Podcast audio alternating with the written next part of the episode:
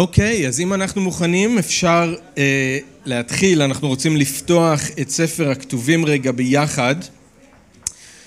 השנייה אל הקורינתים, פרק ה', פסוקים 14 עד 17. אז כמו שאתם תראו על החולצה של נביל, כמו על החולצה של כל אחד שנטבל, לא עכשיו, אבל החולצה של כל אחד שנטבל, נכנס למים בקהילה, יש חולצה שכתוב עליה, מי זוכר מה כתוב עליה? בריאה חדשה, נכון מאוד. אז זה מהראשונה, או מהשנייה אל הקורינתים, פרק ה', פסוק 17. מי שנמצא במשיח הוא בריאה חדשה. אז הטבילה מזכירה לנו, כל פעם שאנחנו רואים מישהו שנטבל, או אם אנחנו בעצמנו נטבלים ויש לנו את החולצה הזאת, אבל גם בלי החולצה הזאת, הטבילה מזכירה לנו שבמשיח אנחנו בריאה חדשה. אבל אני רוצה רגע שאנחנו נסתכל על ההקשר של זה, כמה פסוקים, לא הרבה, ואולי זווית קצת אה, אה, מעניינת, אה, שאני, לפחות היא הייתה מעניינת בשבילי, חדשה בשבילי כשהסתכלתי על הפסוקים האלה. מקווה שזה יהיה מעניין ומועיל בשביל כולנו. אז אם אתם שם, תעקבו איתי ביחד. אני קורא מהשנייה אל הקורינתים, פרק ה', פסוק 14. שכן אהבת המשיח דוחקת בנו, בהכירנו שאחד מת בעד הכל, לכן הכל מתו. ובעד הכל הוא מת, כדי שאלה החיים לא יחיו עוד למען עצמם, אלא למען זה אשר מת וקם באדם. על כן מעתה אין אנו מכירים איש על פראות אנושית, וגם אם הכרנו את המשיח על פראות אנושית, הרי כעת איננו מכירים אותו עוד באופן כזה. על כן, מי שנמצא במשיח הוא בריאה חדשה. הישנות עברו, הנה נהיו חדשות. אז אבא, אנחנו מודים לך על דברך ומבקשים שתהיה איתנו בדקות האלה שיש לנו אה, להתבונן אל תוך דברך, ואנחנו יודעים שכמות הזמן זה לא באמת משנה, אתה יכול לגעת בנו בשנייה, ברגע אחד, ואנחנו מתפללים שתחיה את הדבר שלך ותיגע בליבנו דרכו, בשם ישוע. אמן. אז כשאנחנו קוראים את המילים האלה, מי שנמצא במשיח הוא בריאה חדשה. אני לא יודע מה איתכם, אבל אוטומטית, אה, הנה, יש לנו את זה כאן מאחורינו על השקף. אני לא יודע מה איתכם, אבל אוטומטית אנחנו נוטים לחשוב על עצמנו, נכון? אנחנו מיד חושבים, אני נמצא במשיח, אז אני בריאה חדשה. עכשיו, זה נכון, וזה דורש אמן, זה נכון מאוד להגיד אמן, ואנחנו צריכים לדעת את הזהות שלנו במשיח. זה נכון להגיד אני בריאה חדשה, הישנות עברו, הנה נהיו חדשות. מאוד חשוב שאנחנו נדע מי אנחנו. אז זה טוב לקחת את הביטוי הזה ולייחס אותו אל עצמנו. אבל אני רוצה שתראו שבקטע הזה זה לא המיקוד של שאול, נכון? הוא לא אומר להם את זה כדי שהם יראו נכון את עצמם. כדי שכל חבר קהילה יוכל לחזק את הזהות שלו עצמו בקורינטוס. כי זאת לא הייתה הבעיה של הקורינטים.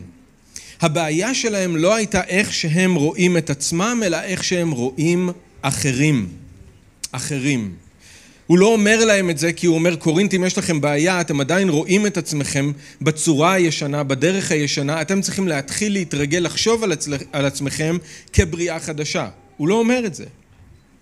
בפסוק 12 שאול מדבר על אנשים שהיו שם בקהילה, שהיו מתגאים במראה פנים ולא במה שבלב.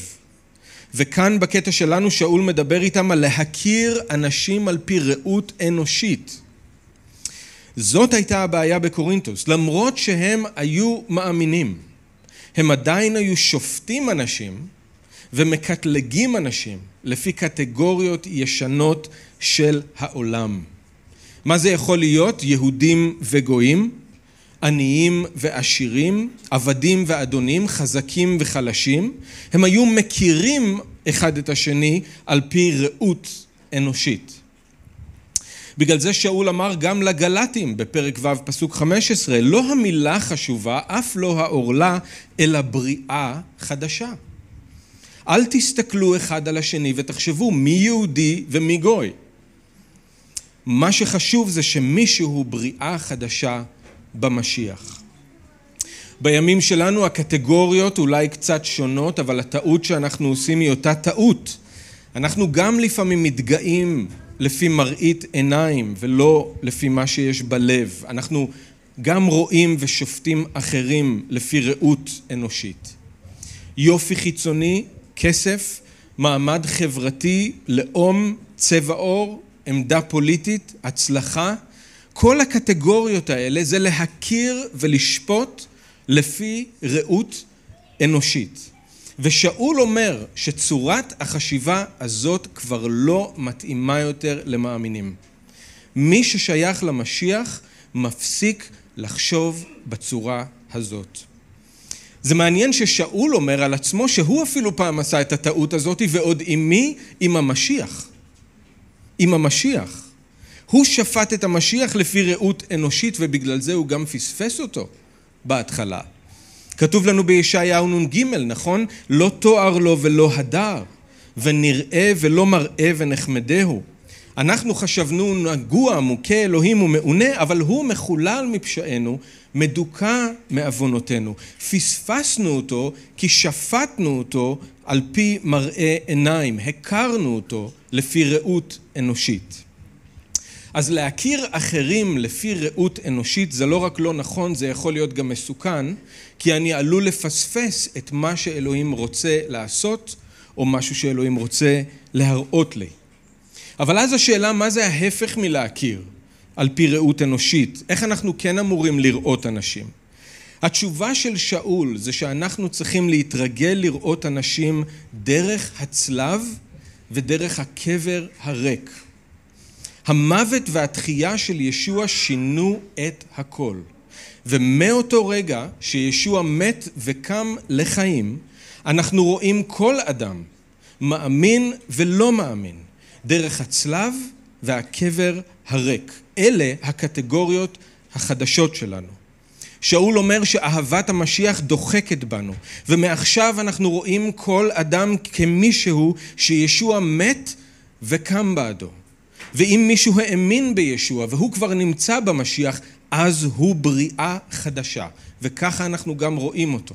אנחנו לא שופטים אותו לפי הקטגוריות הישנות של העולם. להתרגל לראות אנשים ככה, זה משנה את הכל. אני רואה מישהו מולי ומבחינתי יש רק שתי קטגוריות. זה יכול להיות גבר או אישה, זה יכול להיות מישהו עשיר או מישהו עני, מישהו יפה או מישהו מכוער, אבל תמיד יש רק שתי אופציות, רק שתי קטגוריות. האם הוא נמצא במשיח או שהוא עוד לא נמצא במשיח. זה הכל. כל אדם, או שהוא נמצא במשיח, או שהוא עוד לא נמצא במשיח. הקטגוריות שלנו השתנו, ומעכשיו כל אדם שאנחנו פוגשים, אנחנו רואים אותו רק דרך המוות והתחייה של ישוע. עכשיו, אנשים מסביבנו לא יאהבו את זה. אולי אתם כבר שמתם לב. הם לא יבינו למה אתם מקדישים תשומת לב למישהו שהוא כל כך שונה, או הוא כל כך בשוליים. או למה אתם לא מנסים להידבק לאנשים שהם גדולים וחזקים ומשפיענים? למה אנחנו מתחברים לאנשים שלא שייכים לעם שלנו, שהם לא בעמדה הפוליטית שלנו, שהם לא עם צבע העור שלנו? זה כי אנחנו כבר לא מכירים איש על פי ראות אנושית. אנחנו רואים כל אדם רק דרך המוות והתחייה של ישוע. כל אדם הוא יקר לאלוהים, והוא צריך לשמוע על האדון שמת וקם בעדו, וכל מי שכבר האמין באדון הוא בריאה חדשה. בגלל זה גם בתוך הקהילה אנחנו לא מחלקים אחד את השני, אנחנו לא מחלקים אנשים לפי דברים כמו כסף, מעמד חברתי, יופי חיצוני או עמדה פוליטית או כל דבר אחר. אם מישהו הוא במשיח אז הוא פשוט מאוד בריאה חדשה, זה הכל. הישנות עברו ונהיו חדשות. וזה מה שישוע בא לעשות, נכון? הוא בא להפוך אותנו לאדם אחד חדש, הוא בא להפוך אותנו לקהילה אחת. ומי שנכנס לתוך הקהילה אמור לטעום משהו מהבריאה החדשה. ככה זה אמור להיות. זה לא ככה בעולם, אבל זה ככה אמור להיות פה בינינו. וזה לא קל לעזוב קטגוריות ישנות שאנחנו התרגלנו אליהן, שאנחנו גדלנו איתן. אנחנו כל כך רגילים לשפוט אנשים אחרים על פי ראות אנושית, על פי מראה עיניים. אבל אני רוצה לאתגר את כולנו, בואו נזכור, באדון אנחנו לא רואים אנשים אחרים ככה. אנחנו נפטרים מהקטגוריות הישנות, ומעכשיו אנחנו רואים כל אדם דרך המוות והתחייה של ישוע, ומתייחסים לכל אדם ככה. יש ציטוט שאני מאוד אוהב של C.S. לואיס. אולי אתם מכירים את זה באנגלית, ניסיתי לתרגם את זה, אבל אה, זה אף פעם לא כמו במקור, אז מי שמכיר את זה באנגלית יודע. אבל תקשיבו למה C.S. לואיס אומר, אין כזה דבר, אין כזה דבר אנשים רגילים. מעולם לא דיברת עם מישהו שהוא סתם בן תמותה. אתה צריך לזכור שהאדם הכי משעמם והכי לא מעניין שאתה מדבר איתו, עשוי להיות יום אחד יצור מופלא שאם תראה אותו עכשיו תתפתה מאוד להשתחוות לו, או יצור מזוויע ומושחת כמו שאתה פוגש עכשיו, אם בכלל, רק בסיוט. כשאנחנו מתרגלים לראות אנשים דרך המוות והתחייה של ישוע, אין כזה דבר אנשים רגילים. אין כזה דבר סתם מישהו שהוא בן תמותה. מעולם לא דיברת עם מישהו שהוא סתם בן תמותה.